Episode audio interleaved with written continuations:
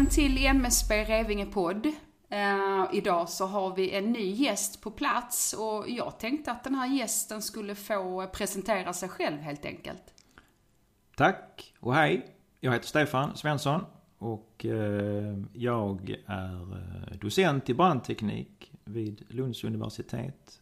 men jag är anställd vid MSB Revinge. Och har varit det i ganska många år. Med ett litet undantag som jag kommer till alldeles strax tänkte jag. Jag, eh, jag började den här branschen 86 som värnpliktig brandman i flygvapnet. Och sen läste jag till brandingenjör, började jobba på Räddningsverket, fick möjlighet att bedriva forskarutbildning under min anställning vid Räddningsverket och disputerade 2002.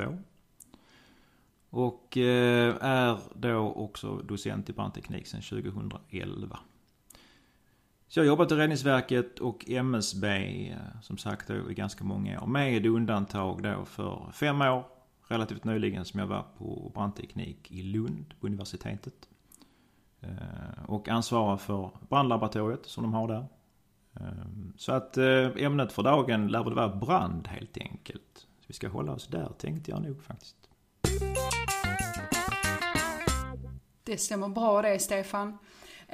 Och då tänker jag så här att det finns ju en hel del begrepp att hålla reda på inom ämnet brand som jag gärna skulle vilja att vi börjar med att reda ut. Ehm, I förra avsnittet, har du lyssnat på det? Jajamän. Mm. Då var ju Anders Malm här. Ja. Och han ställde ju en fråga till dig, för han tyckte det var lite klurigt det här med begreppen bränslekontrollerad brand och ventilationskontrollerad brand. Så jag tänker att vi lyssnar på den frågan först.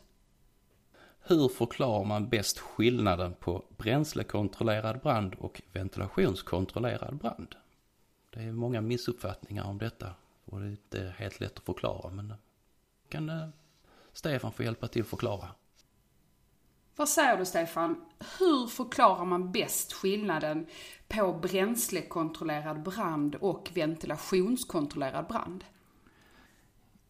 Det, först och främst är det en väldigt bra fråga och den, eh, den är relativt lätt att reda ut. Samtidigt så kan man göra det svaret väldigt långt också. Ehm, men om man börjar den lätta ändan så kan man, kan man säga så här att en bränslekontrollerad brand är en brand som har eh, i princip fri tillgång till luft.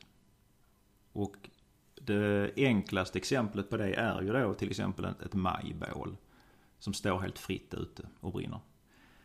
Eh, motsatsen till det är då som sagt en ventilationskontrollerad brand och den, eh, den styrs då i huvudsak av hur mycket luft som kan komma till branden. Och i praktiken så innebär det hur, hur stora eller hur många öppningar det finns eh, i ett rum eller en byggnad. Alltså en brand inomhus. Eh, inte alltid men väldigt ofta då så blir den eh, ganska fort ventilationskontrollerad. Så då är det liksom öppningarna som styr och påverkar. Vad är det egentligen som gör att det är så liksom klurigt med just de här två begreppen? Alltså det här, de, de är väldigt, ganska viktiga för oss när vi pratar eh, räddningstjänstförhållanden. För de kommer att påverka väldigt mycket av en insats mot brand i byggnad. Lite förenklat då för att, för att fortsätta eh, utvecklingen kring detta så kan man säga att, eller man, man kan ha som utgångspunkt att eh, vid brand i byggnad så eh, om man har utgångspunkten att det är ventilationskontrollerad brand, för då är man i någon mening så att säga på den säkra sidan.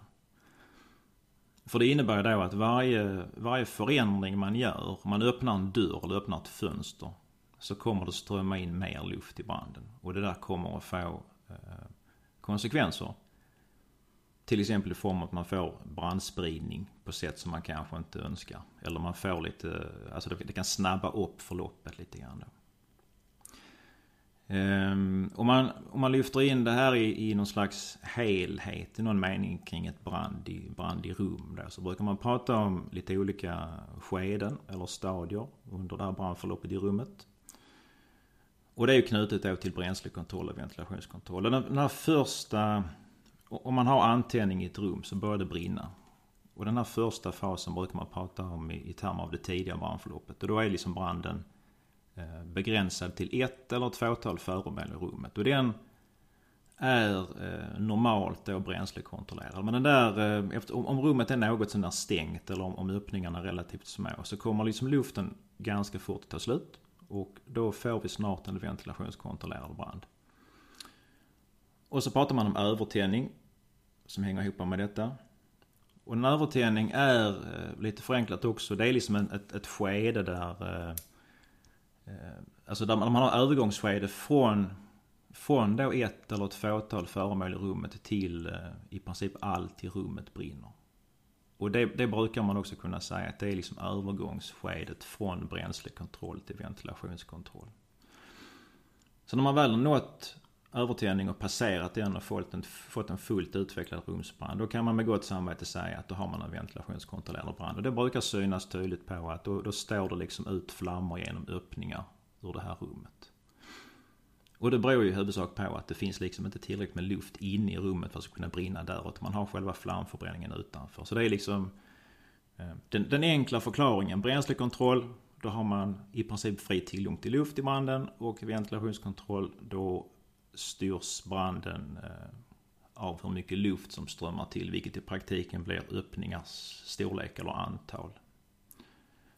Till då hela det här brandförloppet. Från det tidiga brandförloppet till en fullt utvecklad rumsbrand som då normalt är ventilationskontrollerad.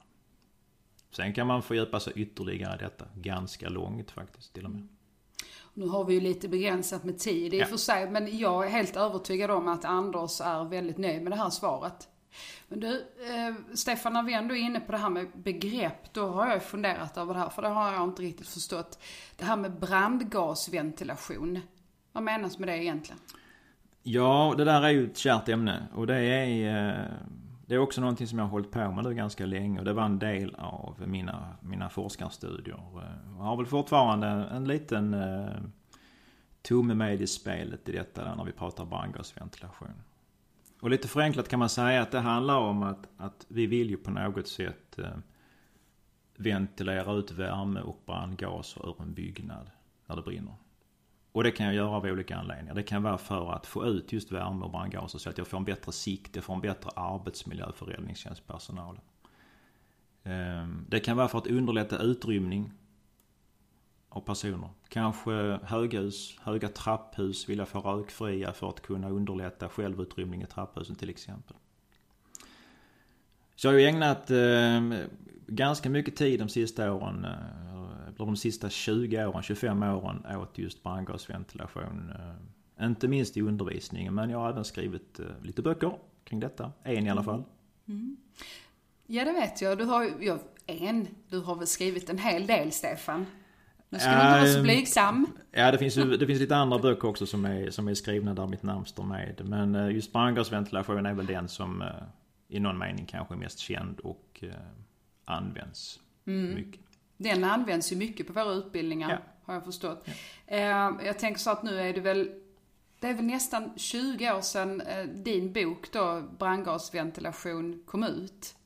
Ja det är det. det stä stämmer det? Ja. Mm. Det är 19, sen den, 19 år sedan, sedan den publicerades. Så den... Eh, eh, och, och det roliga nu är att nu har jag liksom fått förmånen då att eh, revidera den.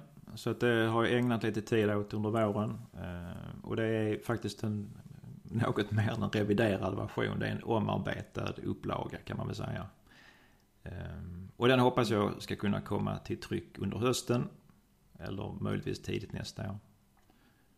Mm. Och den blir lite mer omfattande. Om jag bara räknar tecken i det jag har reviderat så pratar vi att den blir dubbelt så mycket text oh, i den.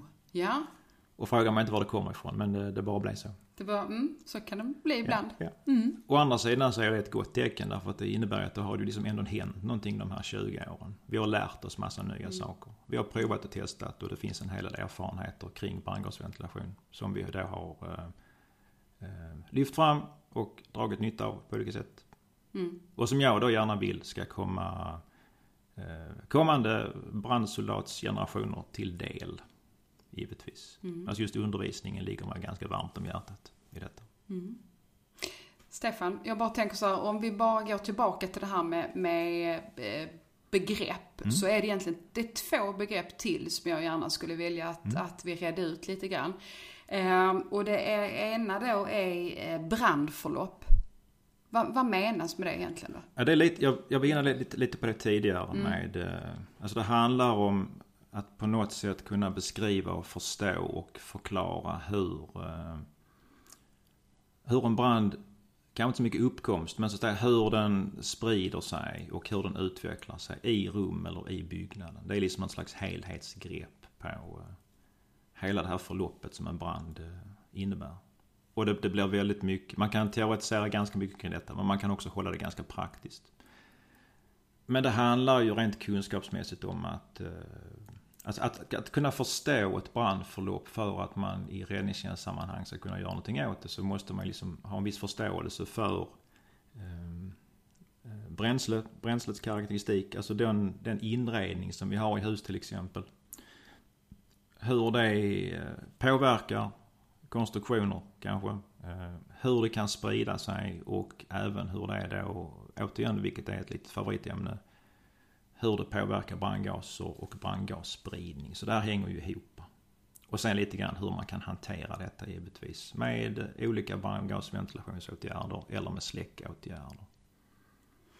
Jag tänker nu när du ändå är inne på det här med möbler och så. Eh, jag gissar att Eh, alltså just nyare möbler med lite nytt material och så, brinner det lättare än eh, teakmöbler från 50-talet? Um, ja och nej. Det, det, alltså det här blir ju fort väldigt, eh, det är ju enkla frågor på något sätt men svaret kan bli ganska komplicerat. För att den, det är så många faktorer som spelar in. Det man kan säga med hyfsat gott samvete, det är ju att i, om vi tittar i en modern bostad idag. Så har vi eh, vad man då skulle kunna kalla för en liten annan brandbelastning än vad man hade för kanske 50-80 år sedan. Och det handlar väldigt mycket om att vi använder andra material. Vi har lite mer plastmaterial idag i våra byggnader. Och det är allt ifrån eh, mattor på golvet till stoppning i möbler. Och det får som konsekvens att vi har ett annat eh, ja, brandbelastning men också i termer av ett annat energiinnehåll. Så de här materialen vi använder idag de, de innehåller eh, mer, en större mängd så att säga bunden, kemiskt bunden energi i de här materialen. Så att när det väl börjar brinna så finns det liksom en helt annan potential för att det ska kunna liksom utveckla sig på ett ganska annorlunda sätt jämfört med kanske från 50-80 år sedan. Mm. Och det får ju konsekvenser i en räddningstjänstsituation också vi måste hantera det på ett annat sätt idag än vad man gjorde förr. Mm. Stefan, har du sett filmen Backdraft? Självklart. Med, det har du? Självklart. Med Kurt Russell i, Absolut. i. Är det en favoritfilm? en av dem. Eh, man kan ha synpunkter på det ena och det andra. Inte minst när vi pratar om brandförlopp som är beskrivna i filmerna här. Men eh, som underhållning, ja absolut. Mm. Och då när vi ändå är inne då på det här med, med begrepp, så backdraft, vad menas med det egentligen?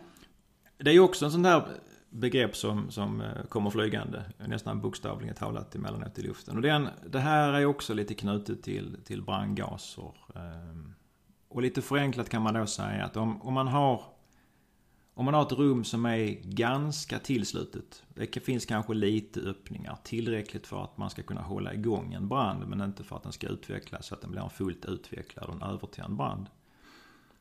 Då kan det här producera ganska mycket brandgaser. Om det får hålla på en stund. Och det kan till och med bli så att de är ganska varma. Och då har jag bränsle i rummet i form av brandgaser. Oförbrända eh, brandgaser. Pyrolysprodukter från det här, det här bränslet som finns där inne. Möbler, vad det nu finns för någonting. Och så har jag värme. Så det enda som saknas är egentligen luft därför att rummet är ganska stängt. Om man då öppnar en dörr eller öppnar ett fönster så tillför vi luft. Om man då har, och det, och det här är ett specialfall. Eh, ganska ovanligt men det har förekommit och det förekommer lite då och då. Om man då öppnar en dörr eller fönster så strömmar det in luft. Och det här kan medföra att jag får en eh, ganska hastig antändning av de här brandgaserna. Och att det här trycks ut. Så det blir nästan, jag ska inte säga explosion för det, det, det leder till fel tankar. Men eh, ett ganska våldsamt förlopp. Där, eh, som, som leder till ganska kraftig tryckökning till exempel. Och eh, i princip i termer av ett eldklot då som eh, trycks ut genom öppningen. Står man då i öppningen så kommer man inte att må bra av detta. Absolut inte. Mm. Är det vanligt förekommande?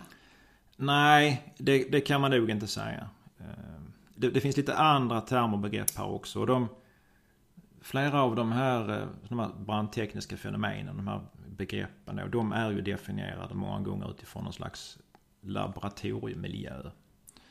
Eh, I, I ett verkligt fall så kan det många gånger vara svårt att skilja liksom mellan om, om det var, var det en backdraft eller var det bara liksom en, en snabb antändning av brandgaserna. Ehm, och det spelar kanske inte så stor roll. Det kan vara en byggnad, det kan vara ett tak som ramlar ner så kommer det se likadant ut. Ehm, men visst, det händer. Inte jättevanligt, men det förekommer. Jag har själv varit på insats. Eh, det glömde jag nämna. Jag är ju deltidsbrandman också. Har varit eh, snart 15 år. Ehm, och jag har varit på en, en sån här eh, insats där vi med viss säkerhet vet att det var en backdraft som hände här innan vi dök upp på platsen. Mm. Okej. Var det någon som blev skadad? Det var det tyvärr. Ja. Och jag har, jag har pratat med henne också efteråt. Hon bekräftar liksom den här bilden som jag, jag misstänkte ganska tidigt. Och hon bekräftar detta för oss. Så att vi är ganska säkra på att det var en, en backdraft som hade inträffat här. Jag tänker du har jobbat som, vad sa du, 15 år som deltidsbrandman? Ja, 14. Och har förmo- alltså varit med om detta en gång så då kan man väl tolka det som att det ändå inte är så vanligt? Nej, Nej. det är det inte. Men som sagt, det händer. Och det kan ju ha hänt innan räddningstjänsten är på plats. Och då är det svårt att veta efteråt. Du, nu tycker jag vi lämnar begrepp inom brand. Eh, Du nämnde ju det här med att du var intresserad av det här med utbildning och lärande och så. Du har ju utbildat i många år. Då är jag lite nyfiken på vad våra elever egentligen får lära sig på våra utbildningar om brand. Ja, förhoppningsvis ganska mycket. Det är ju den bilden jag har av det. Men det jag kanske skulle vilja lyfta fram här är ju, och det är ju det som gör ehm, den utbildning vi bedriver här i Revinge då eh, väldigt rolig och väldigt trevlig. Det är ju att vi har ju en, en ganska unik möjlighet att så att säga spela på, på, på alla strängarna samtidigt. Vi kan eh, vi kan prata teori kring brand och brandgasventilation och brandsläckning. Vi kan eh, visa detta i modeller, i mindre modeller, inomhus i, i vårt brandlaboratorium. Eh, eller utomhus till och med. Och sen så kan vi gå ut på vårt övningsfält och så kan vi visa motsvarande fenomen eller motsvarande saker då i, kanske inte riktigt fullskala, men nästan i alla fall i fullskala. Och den, just den styrkan att, att kunna spela på hela det registret. Det är det som gör det här så väldigt roligt liksom. Att kunna knyta ihop säcken lite grann. Och få eh, förhoppningsvis lite bättre förståelse för de här fenomenen kring brandförlopp, kring brandgasventilation. Skulle du kunna säga någonting om hur, eh, hur våra utbildningar i Sverige just om brand eh, skiljer sig om man jämför med andra länder? Har du koll på det? Ja, alltså jag, jag har ju haft förmånen och har fortfarande förmånen att faktiskt få resa lite grann i världen. Och, och eh, just den här... Eh, den bilden som jag får här att från det här svenska eh, deltidsbrandmannaperspektivet som vi har här i vårt lilla stationsområde ute på landsbygden till att ha varit ute i världen och lite större städer och sett och tittat och jag känner mycket folk. Så jag har ju liksom mött utbildning och utbildningssystem i, i många andra länder. Och det man kan säga generellt är, eh, med risk för att tungan svartnar, men jag vill nog hävda eh, med viss bestämdhet att vi ligger väldigt, väldigt långt framme. Utbildningsmässigt och pedagogiskt. Vi har, eh, inte minst på, på våra skolor på MSB, både Reving och Sandö, så har vi väldigt duktiga instruktörer. Vi har väldigt bra möjligheter kring, som sagt, att visa liksom hela spektrat från teori till praktik och, och även då liten skala och stor skala. Och vi kan lägga ganska mycket tid. Alltså vi har ju en SMO-utbildning som då är två år. Den är ganska unik på något sätt. Och, och, och det finns egentligen, jag vill nog påstå att det finns liksom ingen motsvarighet egentligen någon annanstans i världen. Där vi har möjlighet att att lägga tid på att reflektera även teoretiskt kring det här. I många andra länder så hamnar eh, utbildningen blir väldigt mycket eh, fokuserat kring det här praktiska görandet. Dra slang, resa steg, spruta vatten. Och det är viktigt det också. Absolut. Eh, det är jätteviktigt. Men även att kunna förstå varför vi gör det. Det är ju liksom en springande punkt för att kunna få bra resultat av våra insatser när vi väl är ute. Mm. Till det så kan man ju lägga att, att uh, jag, jag vill nog påstå, återigen med viss bestämdhet, att mycket av detta kommer faktiskt från brandingenjörsutbildningen som sedan 1986 då har haft en akademisk knytning. Via Lunds tekniska högskola och nu sen då eh, också ganska många år tillbaka via Luleå. Som också har brandingenjörsutbildning. Hade vi inte haft den här brandingenjörsutbildningen så är jag väldigt tveksam till om vi hade varit där vi är idag. Vi hade förmodligen inte haft en SMO-utbildning som alls såg ut som den, den vi har. Ehm, vi hade inte haft den nivån på våra instruktörer. Vi hade inte haft nivån på våra A och B-kurser. Eller på RUB och räddningstjänstutbildning, eh, påbyggnadsutbildningen som vi har. Så att vi har en, ehm, en akademisk koppling mm. som har varit värd oerhört mycket för att kunna lyfta liksom hela utbildningen framåt. Och där är vi då ganska unika då, här ja, i Sverige? Jamen, ja. Mm. Det känns ju tryggt. Ja, det gör det. Eh, sen finns det ju säkert baksidor på detta. Eh, vi kan säkert göra det bättre. Mm. Absolut. Men eh, den jobbar vi liksom på varje dag. Att, mm. att förstärka detta. Så vi försöker ju lyfta in forskning och forskningsresultat så mycket vi kan. Vi måste ligga på framkant. Vi kan liksom inte vara, eh, komma sist i kön någonstans när vi pratar utbildningen. Utan vi måste liksom ha eh, instruktörer och övningsanordningar och utbildningsmaterial som är eh, state of the art. Det måste ligga långt fram för att kunna matcha den verklighet som vi sen ska liksom utbilda våra studenter i att kunna hantera räddningstjänstmässigt. Mm.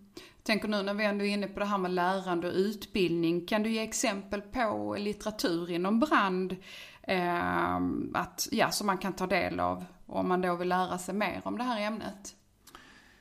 Ja, vi har, eh, när det gäller just på brandområdet och, och just litteratur som är faktiskt skriven för eh, räddningstjänstpersonal eh, och lite praktiskt anpassad för räddningstjänstsituationen så har vi våra klassiker, våra så kallade tre svarta. Mm. Och det är inomhusbranden som är skriven av Lasse Bengtsson en gång i tiden. Vi har Vatten och andra släckmedel skriven av Dr. Särkvist och så har vi då brandgasventilation som undertecknad ligger bakom. Och de är ju skrivna ursprungligen under ungefär samma tidsperiod för 20 eh, år sedan, eller snart 20 år sedan. Och de håller fortfarande.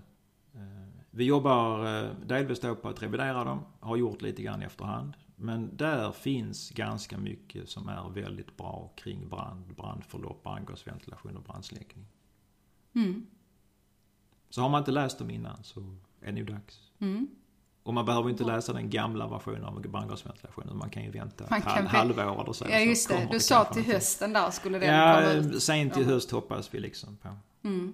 Och de här tre är faktiskt översatta till engelska också. Har fått stor spridning i världen på engelska. Mm. Och jag hör det eh, ganska regelbundet när jag kommer ut i världen och träffar folk. Att de här, de här tre böckerna de är liksom Återigen med risk för att tungan svartnar. Mm. Nästan som man skäms. Men det är vi får mycket beröm för dem. Det får vi. Okej, okay, så de, det är inte bara så, nej de läses inte bara här i Sverige nej. inom, utan även i, i, andra länder? Ja, mm. det gör det. Inte av alla givetvis, men eh, de som är lite på och eh, många som jag och eh, mina kamrater har kontakt med känner till detta, har läst det. Vi får frågor, kanske inte dagligen, men med viss regelbundenhet har vi diskussioner internationellt med människor om detta. Mm. Och det är jättekul. Mm, jag förstår. Mm.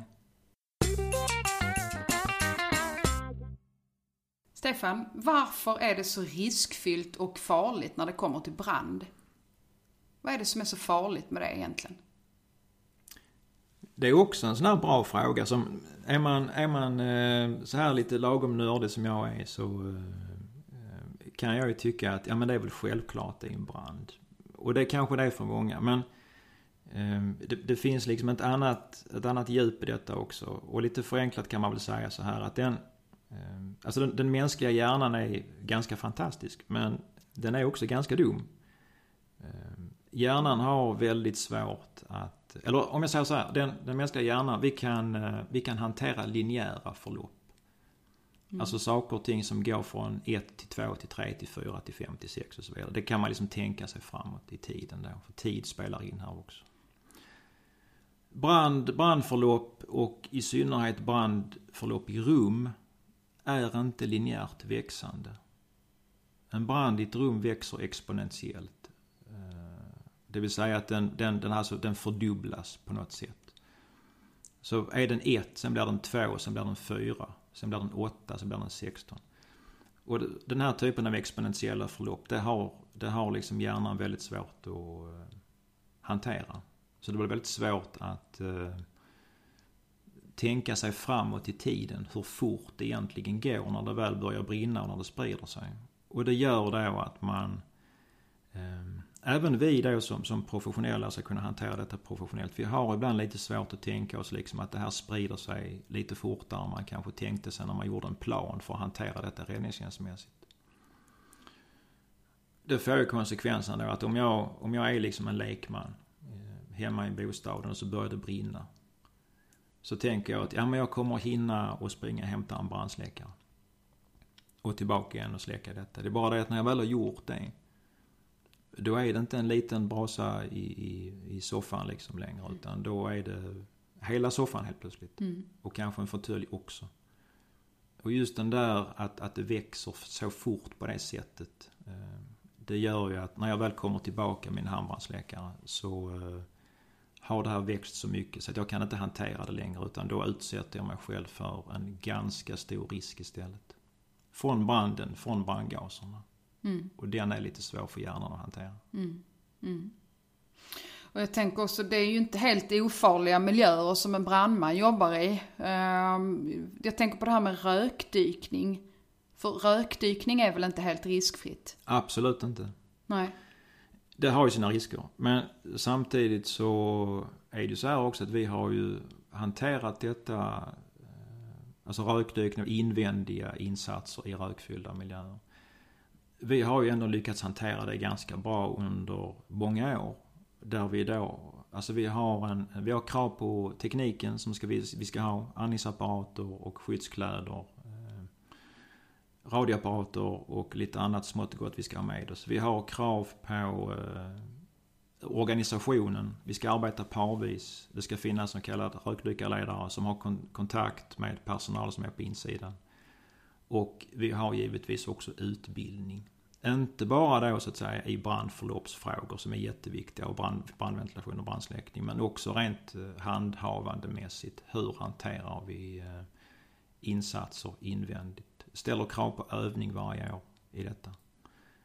Så att i någon mening så hanterar vi, alltså vi har lyckats hantera detta på ett ganska säkert sätt. Det är fortfarande inte riskfritt, absolut inte. Men genom eh, den här kombinationen av teknik, organisation och utbildning så lyckas vi ändå hålla de riskerna på en relativt måttlig nivå. Sen måste man ju ändå alltid göra en bedömning i varje enskilt fall för det finns ju situationer som är direkt olämpliga att vistas inomhus när det brinner. Även för räddningstjänstpersonal. Mm. Och där är ju utbildningen viktig. Mm. Inte minst i brandförloppsfrågor där man förstår liksom att nej, nu ska vi inte vara här längre. Och då måste man vara på utsidan och göra någonting därifrån istället. Mm. Tiden går ju fort när man har kul. Så är det alltid. Och det, ja. Så att jag tänker så här Stefan, jag ställer en sista fråga till dig. Eh, och det handlar om om det är något särskilt intressant som händer inom området brand just nu. Som du kan delge. Det händer jättemycket. Mm. Hela tiden. Eh, det som kanske är allra intressantast och som dessutom är jätteviktigt, det är ju det som har varit under ett antal år. Vi pratar om friska brandmän.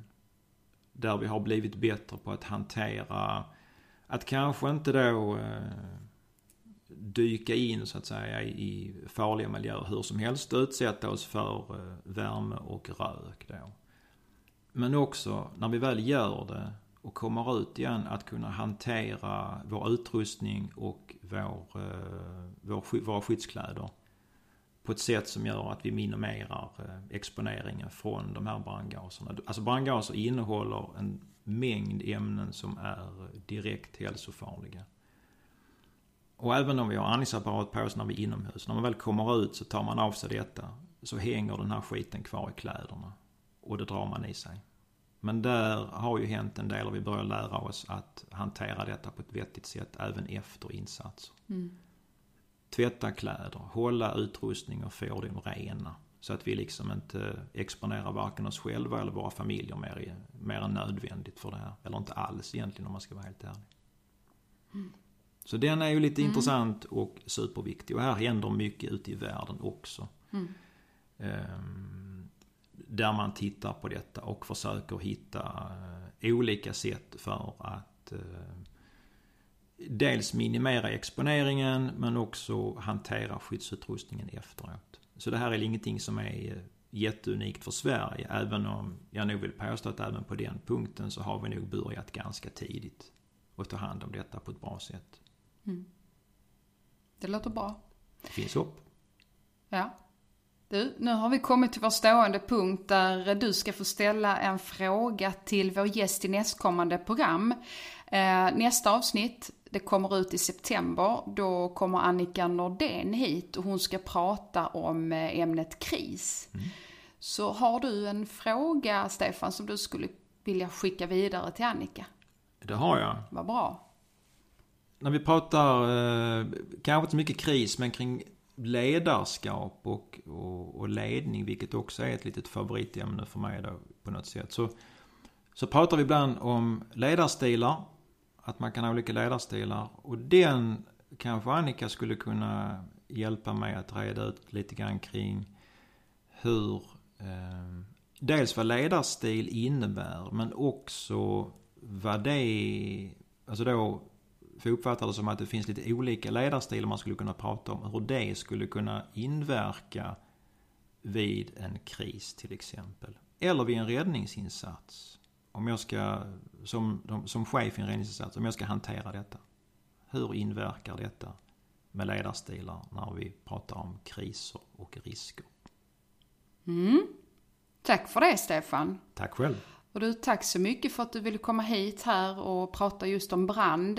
Eh, jag som ställer frågorna, jag heter Lara Kristianadottir och nästa avsnitt, ja det kommer som sagt att handla om kris och eh, det får du inte missa. Tack så mycket och tack Stefan. Tack. Hej då.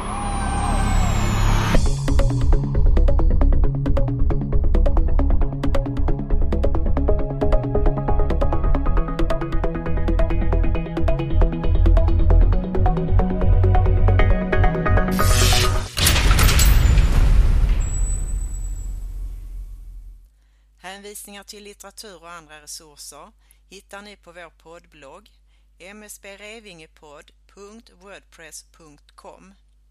Ni har hört Stefan Svensson, docent i brandteknik samt lärare på MSBs skola i Revinge. Intervjuade gjorde Lara Krisbjarnardottir. Signaturmelodi av och med tillåtelse av Christian Nur. Ljudupptagning och redigering av Charlotte Kristoffersen. MSB Revinge, juni 2019